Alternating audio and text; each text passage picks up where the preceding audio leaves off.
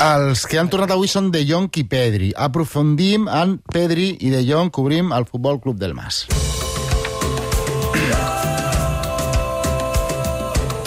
Ja no ens alimenten molles, ja volem el pa sencer. Àlex del Mas, bona nit. Bona nit, què tal, com esteu? Ui, estàs afònic. Que, Una mica, home, és que el dia ha estat rodó avui, eh? que, què passa? Home, Pel, Home, pel, avui pel Camp estat- Nou o, o Home, pel no. Nou Sardenya? Per al Camp Nou, mm, primer per al Nou Sardenya, per suposat, i després per al, per al Camp Nou, però sobretot el primer, per al Nou Sardenya, sí, sí. Que, que has animat. avui- Ha pujat l'Europa a segona ref. Ah, no només ha pujat, sinó que ha quedat campió de tercera i ha pujat a segona res, sí, sí, en un ambient de futbol extraordinari i que serveix per reivindicar també el, el futbol de, de segona, diguéssim, el futbol de amateur, eh? Un record per als seguidors de, del Sant Andreu que s'han quedat amb les ganes de pujar. Em sembla que encara tenen opcions de, de fer-ho a través del playoff, Àlex.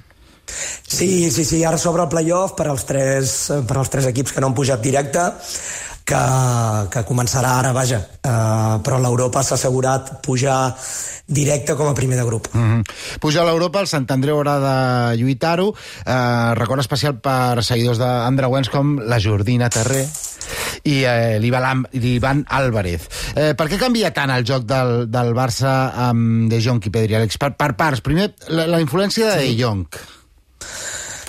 Uh, per perfil específic, uh, per De Jong perquè, ja, i podríem dir el mateix en els dos casos, eh? perquè amb aquest patró de joc que ha trobat Xavi, que jo crec que és un dels grans encerts, necessites patrons molt específics.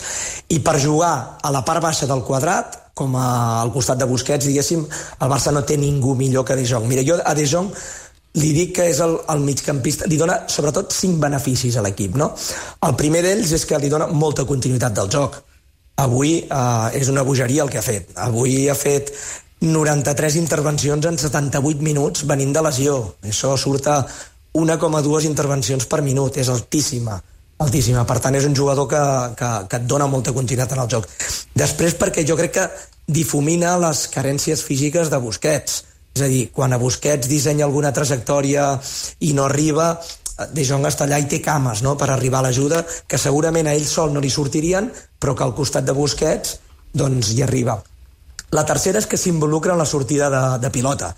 Cap de les altres opcions que el Barça ha utilitzat aquí, ni Sergi Roberto ni Kessier, et poden fer ajudes, però cap et demana la pilota i s'involucra tant, s'identifica com, a, com a receptor de joc.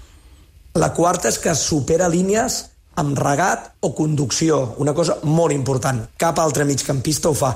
És a dir, és el màxim generador de superioritats al mig del camp, de Jong. I la última per mi, que és un gran replegador. És a dir, té la capacitat de trepitjar àrea, però quan l'equip perd pilota i necessiten endarrere, ell té cames i arriba com si fos un pivot. Moltes vegades Busquets queda despenjat mm. i el que arriba és De Jong. Sí, sí, és que la pressió de dalt la, arriba més juny, Busquets pressionant que no pas De Jong, que acostuma a estar molt pendent de fer cobertures a- al lateral, sigui Valde o sigui Alba. Avui el Carles Domènech i el Marc Domènech al laboratori de la TDT ens han donat les dades de, de Frenkie de Jong, només una pèrdua i set recuperacions i, i desenes i desenes d'intervencions i feia un mes que no jugava. Pedri per què té tanta influència? Avui ha jugat mitja horeta i, i també el Barça ha jugat molt més segur, amb, amb una naturalitat eh, diferent. Sí. Sí, perquè és molt bo, és el jugador més intel·ligent que té el Barça i avui i amb, i amb bastanta diferència. Primer de tot perquè ho posa tot a lloc, és a dir, la presència de Pedri el que fa és tornar Gavi a l'esquerra en posició de fals extrem eh, perquè Lewandowski passa a tenir un soci molt proper, el millor soci molt proper, i sobretot, sobretot perquè el Barça, i això n'havíem parlat, comença a rebre en zones perilloses, comença a rebre entre línies, és a dir, el joc interior creix. Uh, avui I això Pedri per fa què? 20 Perquè ell té una habilitat especial en detectar els espais on pot rebre. Sí, té una habilitat especial per col·locar-se, per perfilar-se, per detectar les distàncies on li fa mal, per situar-se darrere del mig del camp o dels migcampistes del rival. Avui Pedri fa 29 intervencions sí. en els 33 minuts i 23 d'aquestes 29 són entre línies. És a dir, és esquenes d'un migcampista, és en zones on fan mal. Això t'ho diu tot. És a dir, té, té una especial habilitat. I una vegada rep aquí, hi ha l'altra característica que crec que n'havíem parlat també, que és uh, qui millor pren les decisions en pilota. És a dir, té la capacitat de negar passades. Quan Lewandowski tira una desmarcada, quan Rafinha va a l'espai, quan Ferran trenca, ell decideix si aquella desmarcada és bona o cal donar aquesta volta que dona i tornar a començar l'atac. És a dir, l'equip guanya en control Això és timing d'atac selecció de joc. I, i, i bones decisions. O sigui, no totes les desmarcades s'han d'alimentar amb una passada que normalment és de risc i no sempre surt bé, i això eh, provoca moltes pèrdues i menys continuïtat en el joc. Totalment, totalment. És, és, és, és, jo diria que és la, el fet que el fa més, més diferencial. I després no oblidem que és el jugador que, que té més màgia en l'últim terç, no? És a dir, aquella passada que pot veure, però sobretot, sobretot, la selecció del joc. En, en Pedri al camp, el Barça juga molt millor. Mm -hmm. Hi hauria manera que el Barça jugués amb aquesta fluidesa sense Pedri i sense De Jong, amb altres futbolistes? Es pot exigir o, o això depèn molt de la qualitat, del talent, de la lectura de joc que tenen tant Pedri com De Jong? Jo crec que no es pot exigir perquè, òbviament, el futbol continua sent dels futbolistes i el talent va davant de tot, però jo crec que sí que es pot jugar millor del que li hem vist les últimes setmanes. Ho parlàvem en el darrer programa, no? Jo crec que el Barça és tan reconeixible amb, el, amb la manera de jugar que fins i tot és molt previsible a vegades amb com arribarà a camp contrari, amb com voldrà entrar... Uh, crec que ha de posar coses diferents, més canvis de joc, més coses diferents, més... Uh, jo recordo, per exemple, al camp de l'Atlètic de Madrid, en la primera volta, on l'equip fa un gol o fa ocasions de perill amb aquella jugada que és passada directa de lateral cap extrem que està tancat a dins. I durant dos o tres partits li funciona aquella mm, jugada i ja no l'hem vist més.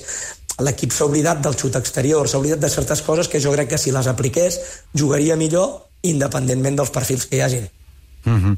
a, la resta, us sembla comprensible que el Barça depengui tant, en, que el joc del Barça depengui tant de Pedri i de De Jong, Ricard? Home, demostra una mica que la plantilla necessita obres i retocs perquè a mi una qüestió tan, tan previsible normalment el futbol no és tan matemàtic que dos jugadors tornin de lesions llargues i de cop i volta el Barça recuperi el repòs, el control, la pausa el, es faci més reconeixible després dels últims partits que hem vist a mi m'impacta. No, no em sorprèn perquè Xavi s'havia mostrat entre línies molt convençut que, que faltava el talent, no? Eh, ja ens ho va dir el dia d'Old Trafford, recordeu a la roda de premsa d'Old Trafford? Que faltaven, no sé si Gavi i Pedri aquell dia. Mm. Eh, sí, sí. O sigui, o sigui, ha deixat alguna, algun comentari sobre estar convençut que quan recuperés alguns lesionats l'equip canviaria la imatge. I ha passat i jo crec que denuncia la necessitat de trobar més equilibri a la plantilla eh, amb urgència, sobretot a la part del mig camp on probablement hi ha perfils molt, molt eh, molt heterodoxes, diríem que molt variats, molt diversos, amb dificultats per generar rols, quan ara el Barça ja sabem que vesteix amb dos migcampistes de base i dos migcampistes entre línies i aquests rols no els té ben representats. Mm -hmm. Costa, a, a tu t'has desesperat en algun moment el, el joc de l'equip. Sí, jo, és que la pregunta que feies jo crec que és comprensible perquè és el que hem vist i per tant no ens podem girar d'esquena a la realitat però una altra cosa és que sigui justificable. Jo crec que la feina d'un entrenador és, és que el seu equip tingui un segell no igual, però si equivalent, jugui qui jugui. I recordo un dia, crec que va ser el dia del partit abominable... Mm. València, fix... València Camp Nou, 1-0. Que jo em fixava en, en altres equips que evidentment no tenen l'exigència ni al nivell del Barça, però que sempre juguen igual, encara que tinguin baixes. Betis, Real Societat... Girona. Aix, Girona, això al Barça no passa. I, i si no passa, evidentment és per la qualitat dels jugadors però des del meu punt de vista també perquè el, on no arriben els jugadors hi ha d'arribar al pla de partit. Insisteixo, jo ja entenc que sense Pedri i sense De Jong no jugaràs igual que amb ells. Una altra cosa és que l'equip no sembli el mateix. Jo això ho trobo un dèficit, ho trobo d'equip pobre. Ara, Avui ens hem d'agafar per la part bona, ho hem patit durant gairebé dos mesos i avui prefereixo quedar-me amb que hem tornat a veure un equip de futbol que per moments et pot, eh, et pot agradar de, de veure, cosa que no, a mi no m'ha passat últimament. Sònia? Eh, sí, jo no, no encerto a saber la resposta de si simplement és una qüestió de, de, de diferència de, de perfil i de, i de talent, és evident. Eh, I crec que ho deies tu a la tarda, jo també pensava una mica en el mateix, és a dir, si, a, si aquell equip amb Xavi Iniesta els hi treies els dos durant dos mesos, eh, una cosa és que tu puguis suplir una baixa i pots tenir un perfil semblant o un perfil diferent, però eh, són dos jugadors importants, que no és el que ha passat en aquest cas, perquè De Jong ha estat menys temps lesionat, eh, per exemple, però que eh, sí que és cert eh, que quan has de tirar... eh, És a dir, eh, eh, eh, va molt justeta de talent aquesta plantilla i aleshores quan et falten dos jugadors de molt talent i has de tirar de, de, eh, de jugadors que a sobre són d'un perfil diferent, a- més enllà que, so, que no tinguin el talent que tenen els titulars, eh, doncs desdibuixes molt l'equip. Jo no sé si realment tu pots fer jugar a Kessie i Sergio Roberto el mateix que juguen De Jong i, i Pedri, perquè és que és això, deia el, el Costa, però segurament el Betis o el Villarreal juguen el mateix amb jugadors del, del mateix perfil. Mm. No? no Doncs- que, doncs que no sí, seran sí. tan bons futbolistes com Pedri i De Jong, però són Doncs semblants. aleshores, quan et diguin que et fitxen que sí, digues que no.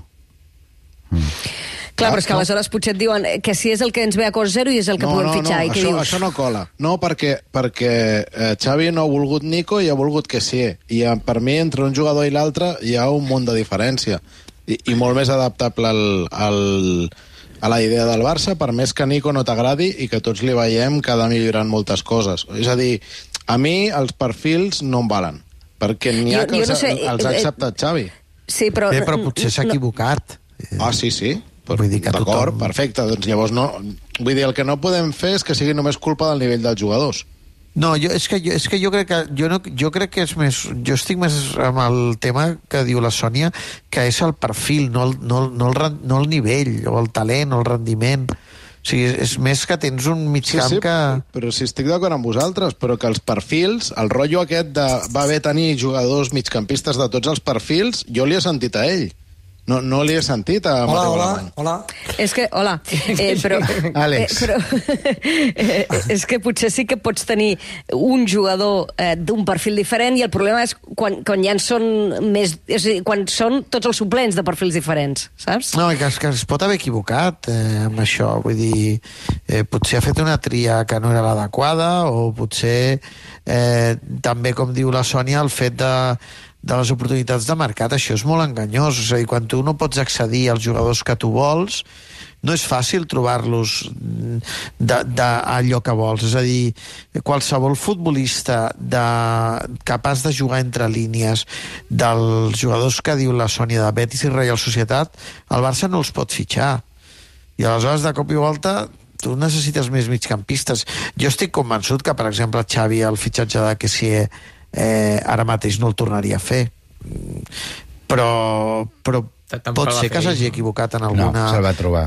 en alguna elecció, però, però eh, no, no teniu la sensació vosaltres que la plantilla és pitjor que quan vam començar la temporada? O que tenim la sensació... Ah, home, que el rendiment, que el potencial dels jugadors no, no, no ha anat cap amunt i alguns s'han estancat, sí. Però això, la nostra Ricard... expectativa era superior al que, al que ha estat. Jo tinc la sensació, eh, perquè jo recordo que a l'estiu parlàvem, per exemple, de la davantera i ens meravellava que teníem totes les posicions doblades. Els tres, com, com Sí, els sí. dir, els tres avions, els tres avions. Sí. Però, no, Però no només Rafinha, Lewandowski i Dembélé. Sí, però no només pels titulars, sinó la sensació que hi ha de dir no, no, és que ara sí que té recursos recursos, perquè té banqueta, sí. opció i després allò no s'ha demostrat durant el rendiment durant l'any. Àlex Dalmas, volies dir alguna cosa? Que es deia sola? No, No, perquè no. estava fent proves que creia que s'anava la No, connexió, però vaja, no, estic no. molt d'acord amb la reflexió. Eh? És a dir, mm, mm, jo també crec que, no sé si la plantilla és pitjor, però sí que hem, hem conegut alguns futbolistes que esperàvem alguna cosa més i que per una cosa o per l'altra no ho han acabat de donar.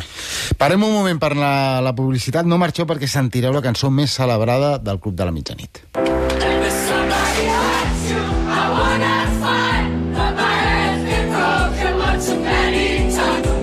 A Catalunya Ràdio, el Club de la Mitjanit, amb Xavi Campos.